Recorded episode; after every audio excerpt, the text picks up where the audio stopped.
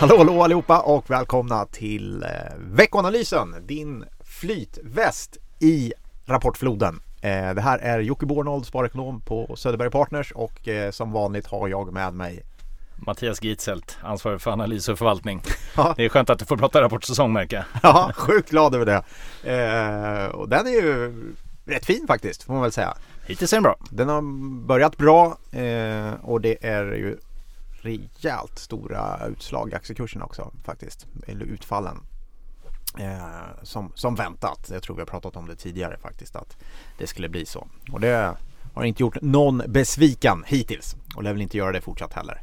Eh, men det är rapportcirkusen i en cirkus. En annan cirkus är ju Brexit-cirkusen. Den tar aldrig slut. Eh, hur taggad är du på Brexit? Hur kul tycker du det är att läsa om Brexit? Eh, faktiskt inte alls. Vi pratade om det kort här innan. Eh, jag tycker jag är lite trött på det. Men eh, jag tror att framförallt eh, mina kollegor som har skrivit en del i den här veckanalysen är kanske ännu mer trötta på det. För det Ja. blir lite så här att man kanske skriver en sak och sen så, så får man revidera det. Och det enda man kommer fram till att det kommer nog dröja lite längre än vad vi trodde innan man eh, är klar med cirkusen.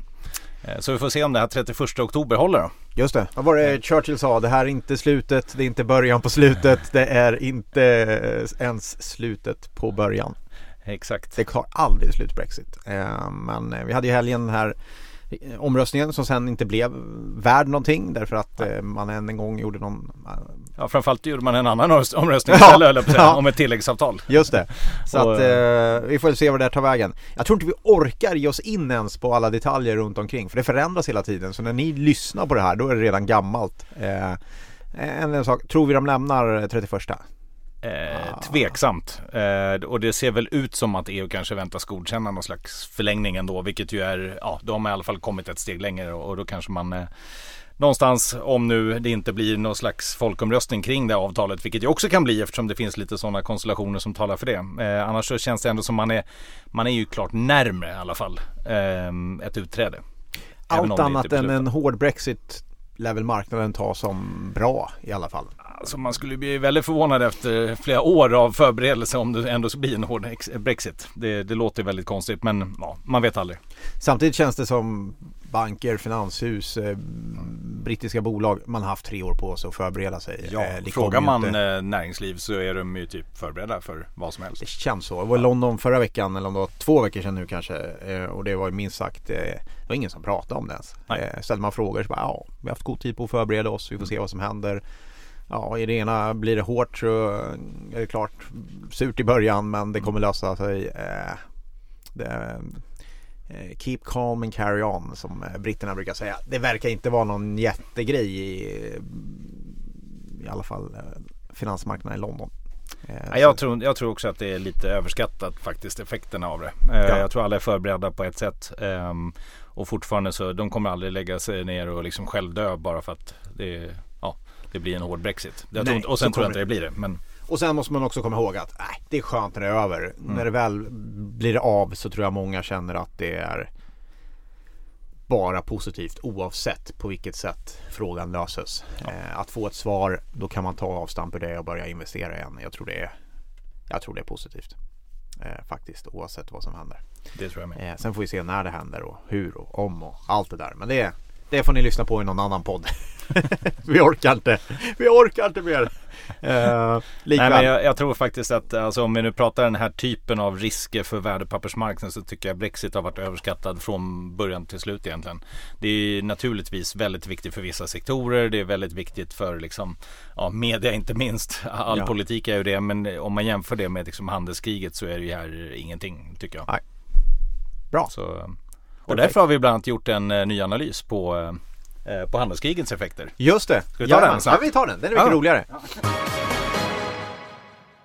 Nej men det, det vi har gjort eh, är ju att vi har tittat på en massa tillfällen då en i händelse i relation till handelskriget har liksom inträffat. Och Ja. eh, som har fått någon slags konsekvens och bland annat noterat att det blir allt större börsrörelser med tiden liksom, när det kommer både positiva och negativa nyheter. Så jag har försökt titta på hur regioner, sektorer, aktier och så vidare utvecklas när det kommer just negativa händelser eller positiva händelser. Eh, och det tycker jag ändå är lite intressant och det bekräftar egentligen vår allmänna bild av defensiva och cykliska sektorer, aktier ja, och regioner. Så till exempel om det kommer en negativ händelse som är liksom, ja, anses negativ då klarar sig japanska och amerikanska börsen bättre medan då Kina till exempel eh, och andra tillväxtmarknader noterar liksom större nedgångar. Eh, svenska börsen också är rätt känslig mot nyheter och det, är ju liksom, ja. det lirar ju egentligen med så som vi ser på världen att eh, tillväxtmarknader, svenska börsen mer cykliskt, japanska är lite mer av en safe haven till exempel. Eh, samma sak med sektorer, defensiva sektorer klarar sig i en sån här negativ händelse, klarar sig lite bättre, alltså det som kanske är eh, hälsovård och annat. Eh, Förlorarna är naturligtvis råvaror, olja, gas, lite mer sådana riktigt klassiska cykliska sektorer. Och samma sak om man tittar på bolag. Om det kommer en negativ händelse, ja då klarar sig till exempel sådana här konsumentocykliska bolag, Essity, ICA, Swish Match, Telia och sådana här klarar sig normalt ja. bättre. Liksom. Och så är det omvänt om det positiva händelser. Men jag tycker ändå liksom den, det, det, är en bra genomgång av eh, effekterna från handelskrig och det bekräftar egentligen vår syn tycker jag. Ja. Eh, och vår positionering också i förvaltningen naturligtvis. Spännande att ibland eh, Ibland är det som man tror. Ja, det är ju faktiskt bra. Hur mycket ska man bry sig om det då? Eh, nej men jag tycker att det, där finns det ju, om man säger, det här vi pratade om tidigare. Jag tror att där har vi inte sett det sista. Jag tror Brexit där är vi ganska nära slutet på något sätt. Ja. Och det verkar ju framförallt som att Brexit inte blir den här dominoeffekten där det får med sig andra länder, vilket ju har varit egentligen den här oron från början att eh, Italien skulle följa med och liksom, ja, andra länder. Det, det verkar ju inte bli utan jag tror att när man avslutar den här Brexit-cirkusen, när det nu blir, så tror jag att det liksom återgår lite till ett normalläge. Eh, även om det är en ny situation. Vad gäller handelskriget så tror jag inte man återgår till normalläge utan tvärtom. Utan nu kanske man närmar sig ett slut där man har jobbat med tulltariff eller såna tullhöjningar. Eh, men sen kommer det andra ställ, grejer istället. Ja. Och det har vi också pratat om att liksom, man försvårar investeringar i de olika länderna eller vad det nu kan vara. Sammanlagt en, en mer protektionistisk bild liksom. Eh, och mer populistisk på andra håll därigenom.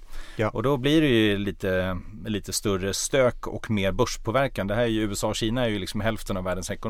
Mm. Så att eh, där har vi ju en helt annan situation som jag tror kan pågå under egentligen decennier. Ja. Är, sen kan vi få till ett avtal, kanske lite kort, men jag tror att det är, påver- mycket större påverkan egentligen. Just Så. Man ska vara, det ska man vara orolig för.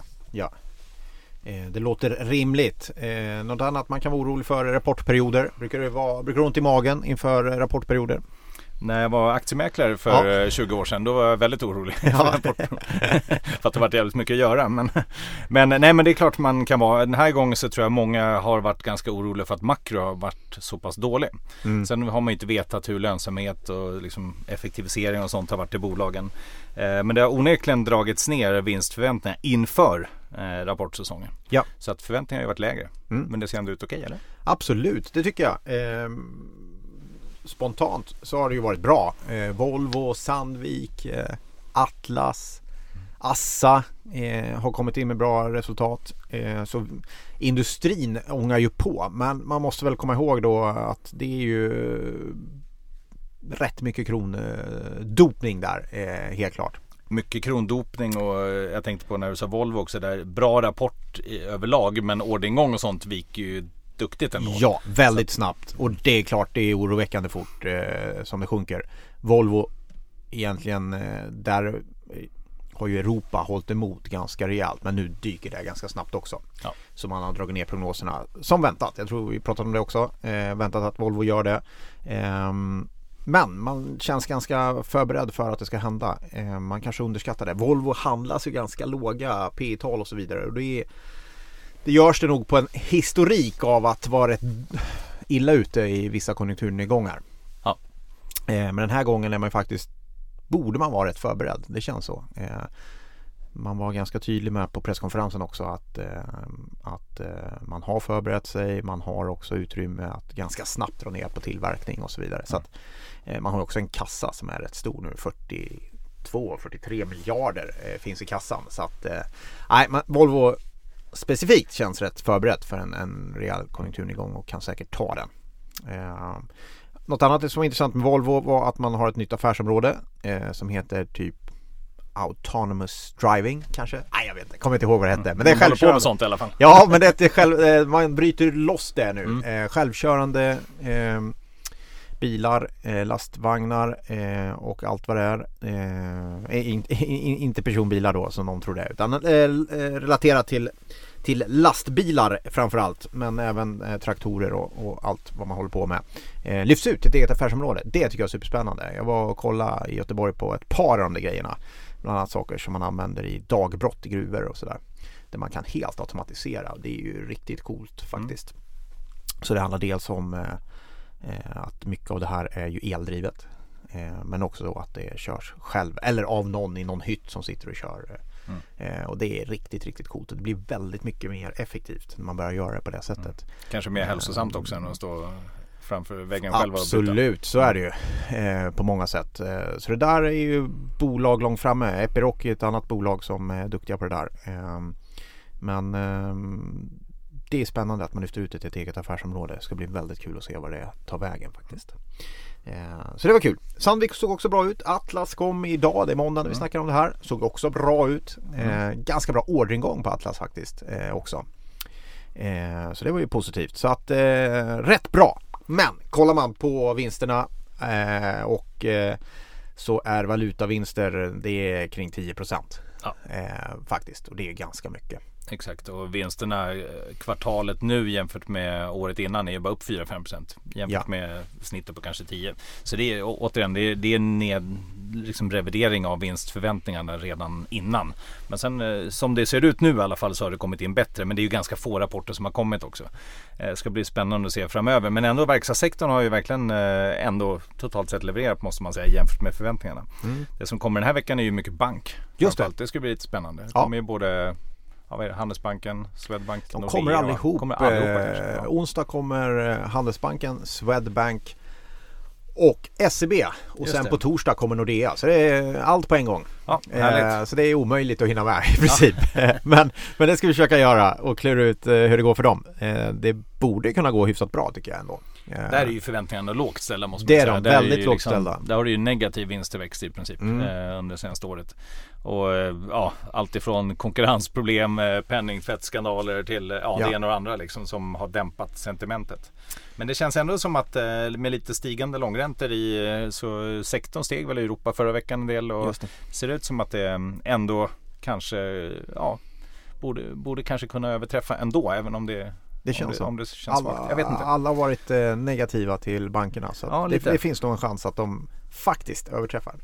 Vi får se. Eh, det är väl inte omöjligt att marginalerna, räntenettot är helt okej okay, faktiskt. Eh, det borde kunna vara det. Något annat som jag faktiskt har kikat lite på är ju fastighetsbolag. Det har kommit ett par stycken. Just det, Fabege eh, kom Bland annat eh, och det var ganska deppigt. Mm. Eh, och varför blir det då det? Ja det är ju så här om man kollar fastighetsbolagen så blir det väldigt mycket fokus på eh, värdering av fastighetsinnehaven har varit under många år egentligen och det gynnats av låg ränta, finansieringskostnad men också så, så är det klart att man jämför avkastningen i fastighetsbolagen med vad det får i, i obligationsmarknaden så har det varit attraktivt. De har värderats upp på det. det är mer och mer fokus på på driftsnettot mm. Eh, kan man konstatera och då blir det helt plötsligt eh, lite skakigt och jag tror det är det vi har sett här. Eh, mm, marknaden växlar fokus och börjar kika på ja, om det ser ut intäktsmässigt i de här bolagen nu om det blir lite stökigare och det har ju att göra med att om konjunkturen viker, vi sett arbetslöshetssiffror gå upp så kanske det är så att eh, vakansgraderna går upp eh, och att eh, då börjar man kika på hur, hur står det till egentligen eh, med driftnettot. Tjänar de några pengar? Och, nej, det, det kan nog vara fortsatt lite skakigt kring det tror jag. Ja, alltså det är väl som tidigare. Om räntorna bara håller sig låga så, det ju, så går det ju att räkna hem mycket inom fastighetssektorn. Men eh, man ska ju vara medveten om att det är det man har räknat det på. Ja. För tio år sedan så räknar man ju liksom substansvärden. Nu är det ju bara kassaflödeskalkyler. Just det. Eh, och då får vi in andra faktorer också. Och den där krockkudden har blivit lite mindre. Ja, när, när drift, om driftnettot börjar se sämre ut så blir det ganska snabbt. Eh, mm. Så det gäller att eh, välja kvalitet där. Mm, ehm, så är det nog faktiskt. Vi kanske får tillfälle att återkomma till det. Det tror jag. Eh, vår kvart går ju otroligt fort idag. Vet du vad det beror på? Det är för att vi pratar aktier. Det går mycket fortare då för det går, det går fortare. Då måste vi klämma in lite makro bara för ja, det ytterligare. Vi ska göra det faktiskt. Eh, förra veckan. Ja, vad hade vi förra veckan? USA detaljhandelsförsäljning. Den var lite svagare än väntat. I alla mm. fall eh, under den månaden. Eh, med det sagt så är det ju fortfarande en hyfsad utveckling. Kärnförsäljningen upp 4,6 procent och dessutom reviderar man faktiskt upp augustisiffran så att det ser faktiskt okej okay ut. Men det ändå som är lite intressant, jag kollade på en lång graf från 90-talet framåt i amerikansk detaljhandelsförsäljning. Det är ändå inte riktigt samma utveckling som man hade i senaste expansionsfaser. Det är liksom, tar man till exempel på 90-talet så var det årsförändringstakt på över 10-12% i, i topparna. Där är vi inte nu utan nu någonstans här sent i cykeln så är vi ja, som sagt på 4,5 kanske. Eh, så inte riktigt lika bra men ändå någonting som ger stöd till konsumtion och därmed amerikansk tillväxt naturligtvis. Annars kom industriproduktionssiffror i USA. Eh, lite svaga, påverkats av en strejk hos General Motors men ändå fortfarande negativt på årsbasis och en, en ja, ja. lite svag siffra ändå. Mm. Du, den arbetslösheten eh, i Sverige. Det har vi pratat om att den siffran som chockade till oss här efter sommaren eh, den, var så, den var så kraftig förändring så att det kändes nästan som att det var fel. Det var fel har det visat sig. Det är faktiskt inte första gången som Statistiska centralbyrån medger att man har gjort fel. Man gjorde det tidigare på en inflationssiffra för mig för några år sedan i Just januari. Ganska eh, allvarligt ändå. För det är, ja, jag tycker också att det är sådär. Det är inte eh, alls bra. Och, och inte, inte bara att man säger att man, eh, att man, in, att man haft problem med insamling av data utan man säger ju att det fortsatt är så. Ja, vilket gör att eh, de siffror som presenteras som återigen faktiskt var sämre än väntade. Eh, arbetslösheten kom förra veckan in på 7,1 procent. Förväntat var 6,7. Eh, men man säger att ja, det är, det är fortfarande problem med insamling och det kvarstår. Och sen så vet jag inte, kommer allting revideras sen eller vad är liksom? Ja. ja. Det där är högst olyckligt för det är klart att Det är ju jätte jättedåligt höll jag på att säga. För det, är ändå, arbetslösheten är ju en ganska viktig del i mångas prognosarbete. Ja. Inte bara hos oss marknadsaktörer utan naturligtvis även hos Riksbanken. Eh, som ja. ju har det som en viktig ja. input naturligtvis. Tidigare har man i princip kunnat bedöma reporäntan utifrån arbetslösheten. Nu har det inte varit så senaste åren. Men, men, om man tittar innan så visste man att när det är 6% arbetslöshet, ja då ska du ha 3 i ränta. Nu de senaste åren så har det alltid varit minus. Men, men, men ändå, det, det är inte bra. Oroväckande. Eh, veckan som kommer, händer det något kul då? Eh, ja, det är ju självklart. Vi pratade inköpschefer en del tidigare. Eh, det kommer faktiskt redan en sån här preliminärdata igen för september. Från det här Market ändå. Ja, och, så det blev eh, även inköpschefer denna, även denna podd. Alltid. eh, nej men bara kort så ser det ut att vara ja, för Europa dåligt, för USA hålla sig på en liten expansionsnivå precis över 50. Men annars så, ja klart svagare än vad vi har haft liksom senaste året eller åren naturligtvis. Och sen viktigt naturligtvis att se kommer då eh, tjänstesektorn fortfarande klara sig undan spridningseffekter från en riktigt svag industri.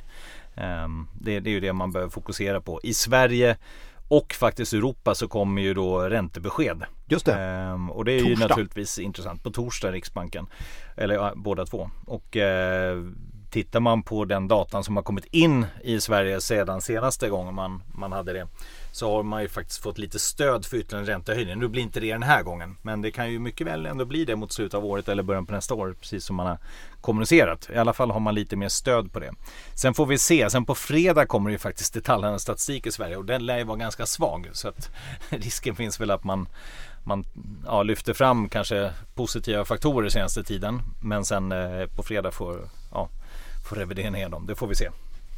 Yes, eh, aktiemarknaden det rasar in eh, rapporter under hela veckan. Vi har nämnt eh, bankerna, det får vara bra så.